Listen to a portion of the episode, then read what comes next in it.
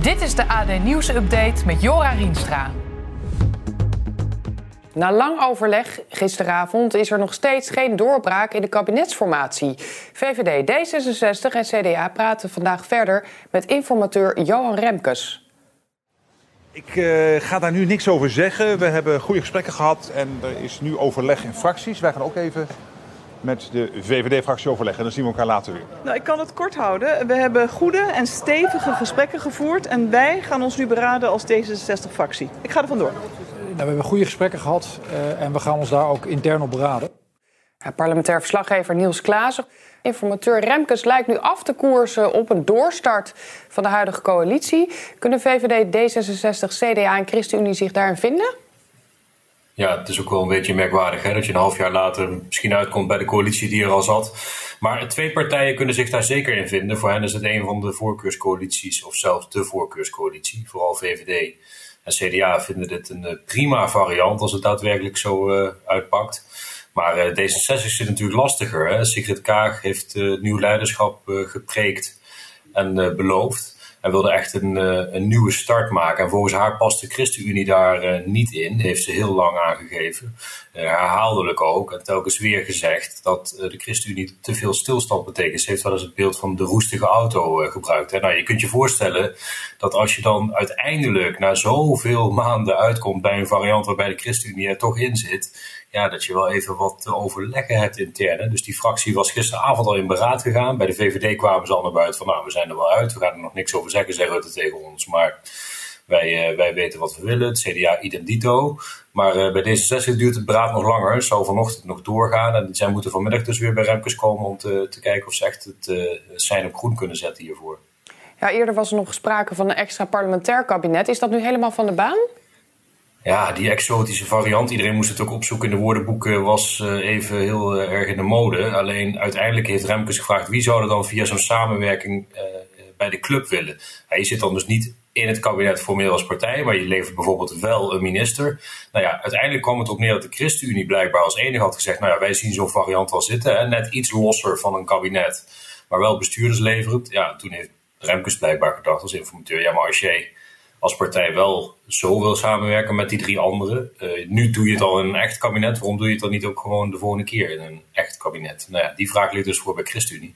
Ze hebben het daar denk ik ook niet super makkelijk mee als die vraag voorkomt te liggen. Omdat zij ook wel, uh, uh, nou ja, sowieso samenwerken met D66 over gezegd hebben dat dat is niet per se geweldig bevallen. Medisch-ethische wensen die D66 heeft, die hebben wij niet. Uh, sowieso is het regeren soms wel zwaar gevallen voor een kleine partij als ChristenUnie. Dus ik denk niet dat zij heel gretig zullen zijn om meteen erop in te duiken. Maar ja, landsbelang, als dat roept, dan uh, moet je ook wel weer heel sterk zijn om nee te zeggen. Dus dat horen we vanmiddag. En is er ook nog steeds uh, kans op nieuwe verkiezingen?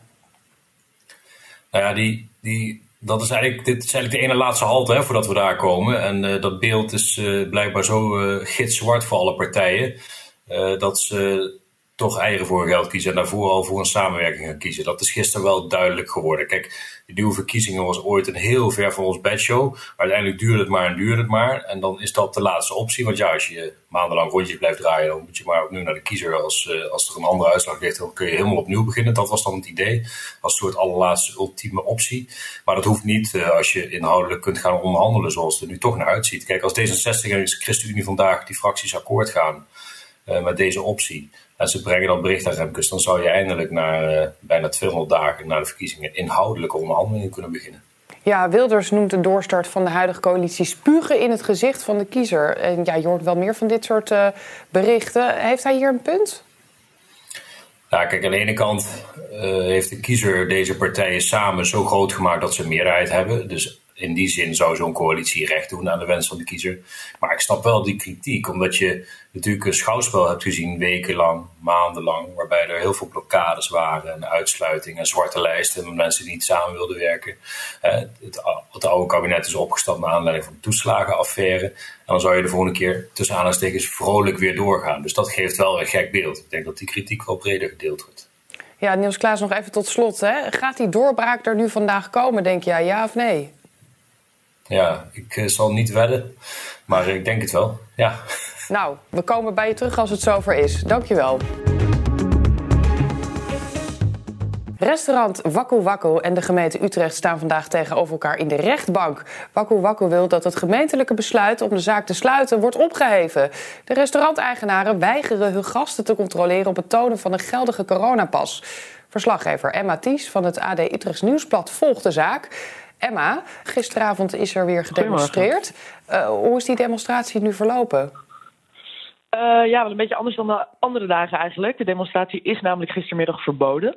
Uh, er is toch een groep mensen gekomen en die zijn uh, gisteravond dan ook afgevoerd per bus. Ze werden één voor één de bussen ingevoerd. Um, dat ging enigszins wel, wel rustig, maar een deel van de demonstranten heeft zich wel verzet tegen de, de aanhouding. Ja, zometeen om tien uur dient een kort geding. Wat willen de eigenaren van Wakku Wakku hiermee bereiken?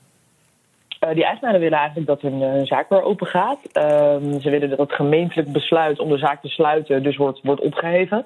Uh, want zij werden dus eerder deze week op last van de burgemeester eh, gesloten... omdat zij ja, die coronapassen dus niet, niet willen checken.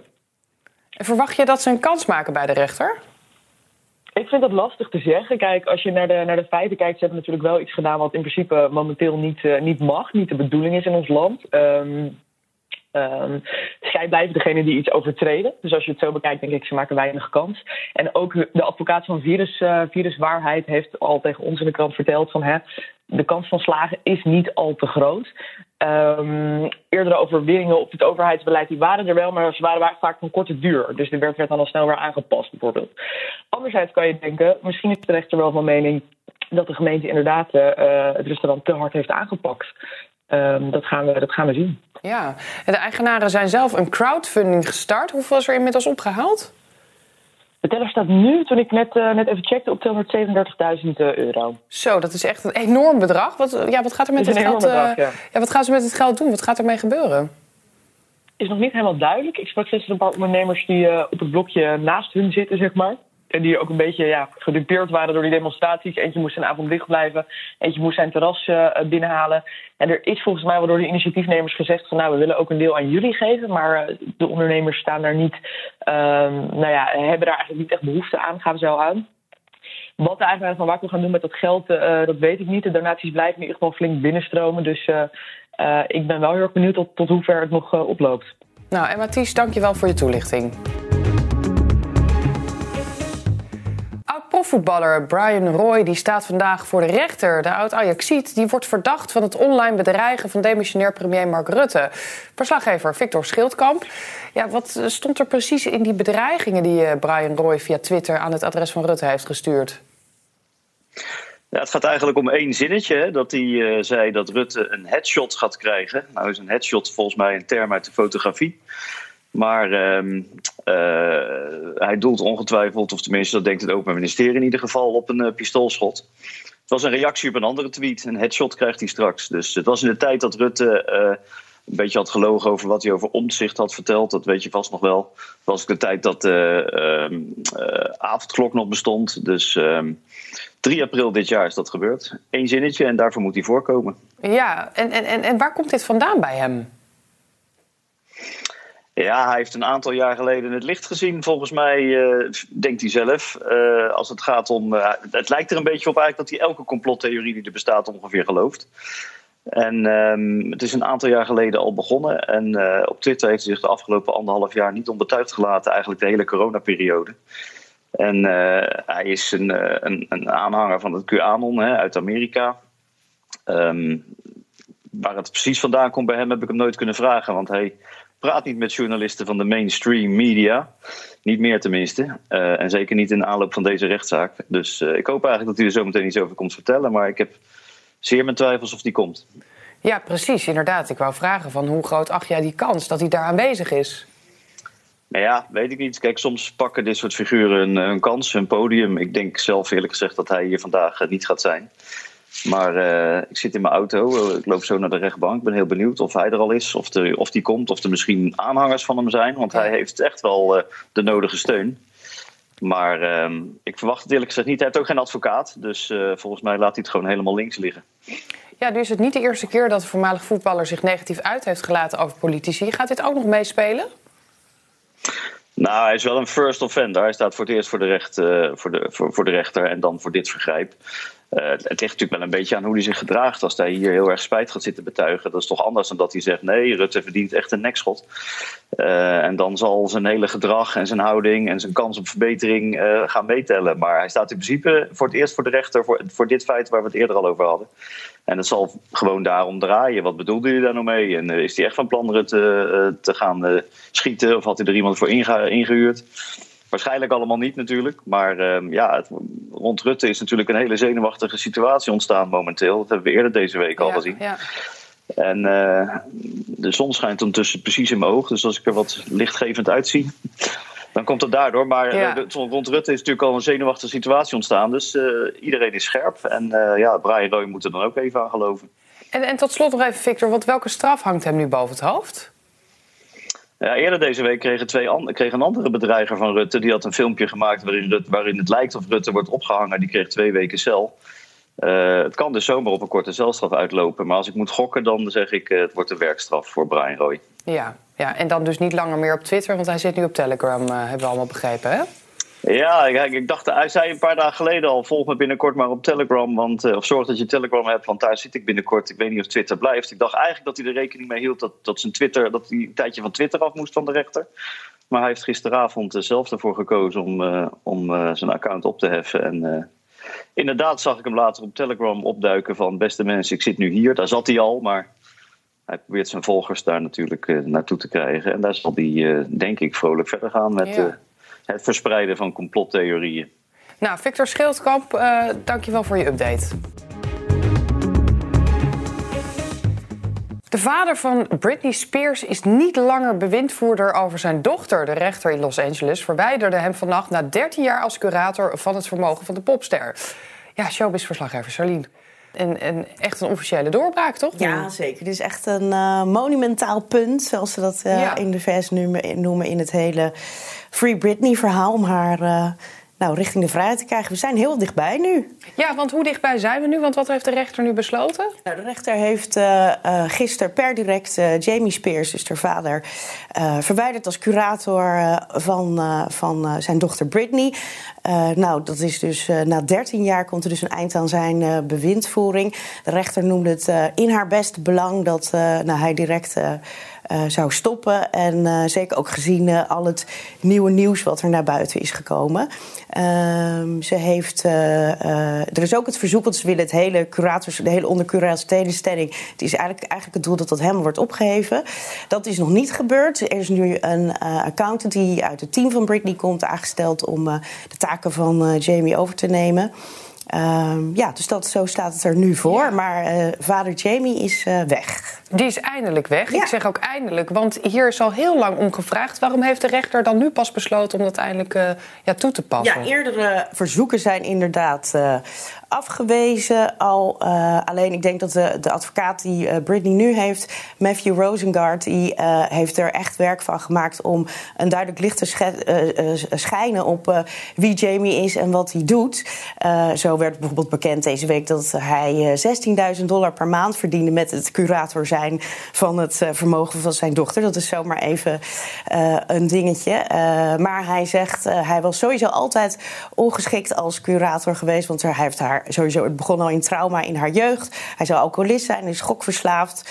Uh, hij heeft, uh, uh, maar ook vooral de behandeling, hoe hij, hoe hij haar behandeld heeft. Want dat kwam deze week heel erg naar voren. Er zijn twee documentaires uitgekomen: Controlling Britney van de New York Times. En ook op je Britney versus Spears op Netflix deze week. Waar weer allerlei nieuwe details van het hele verhaal naar buiten komen. Nou, eigenlijk hoogtepunten of dieptepunten zou je het kunnen noemen. Zijn wel dat. Ehm, Jamie een, een enorm intensief beveiligingssysteem rond zijn dochter had gebouwd. Ze werd overal afgeluisterd. Het is een zogenaamd blackbox systeem. Dat is uh, Israëlische surveillance apparatuur. En dus alles wat ze op haar telefoon deed, werd op een andere laptop uh, bekeken. Uh, alles werd gedeeld in appgroepen. Ze stond dus iedere, letterlijk iedere stap die ze zette, werd gemonitord.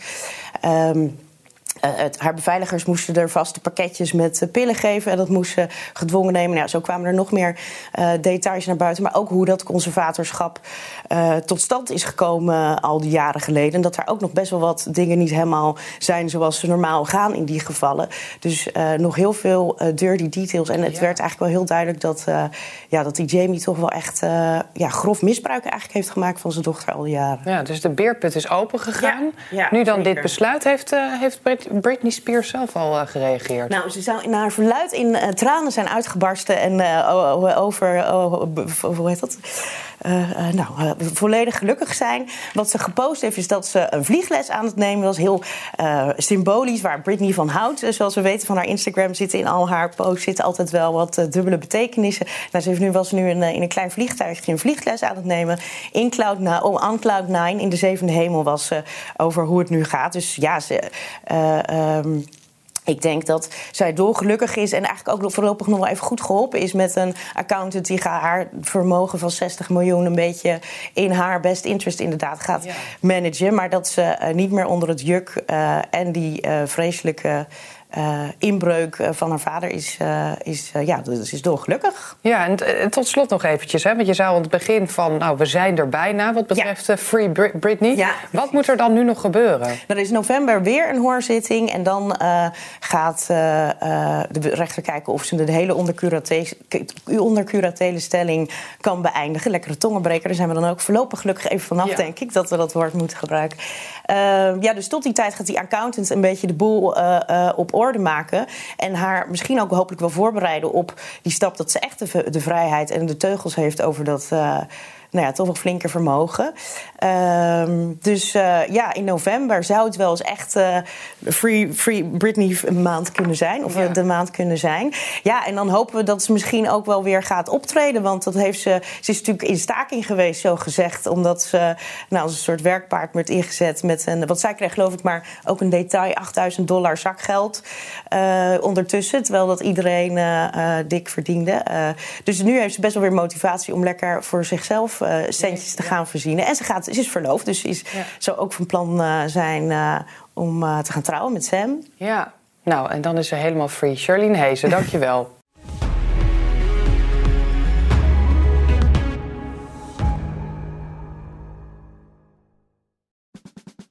Luister ook naar onze podcast Politiek Dichtbij. In een half uur praten we hierbij over de stand van zaken op het Binnenhof. En niet alleen vanuit de wandelgangen in Den Haag, maar ook vanuit een regionaal perspectief. We zijn te vinden in onze app, op Apple Podcast en op Spotify. En wie zijn wij dan? Wij zijn Leonard Beekman en Tobias den Hartog.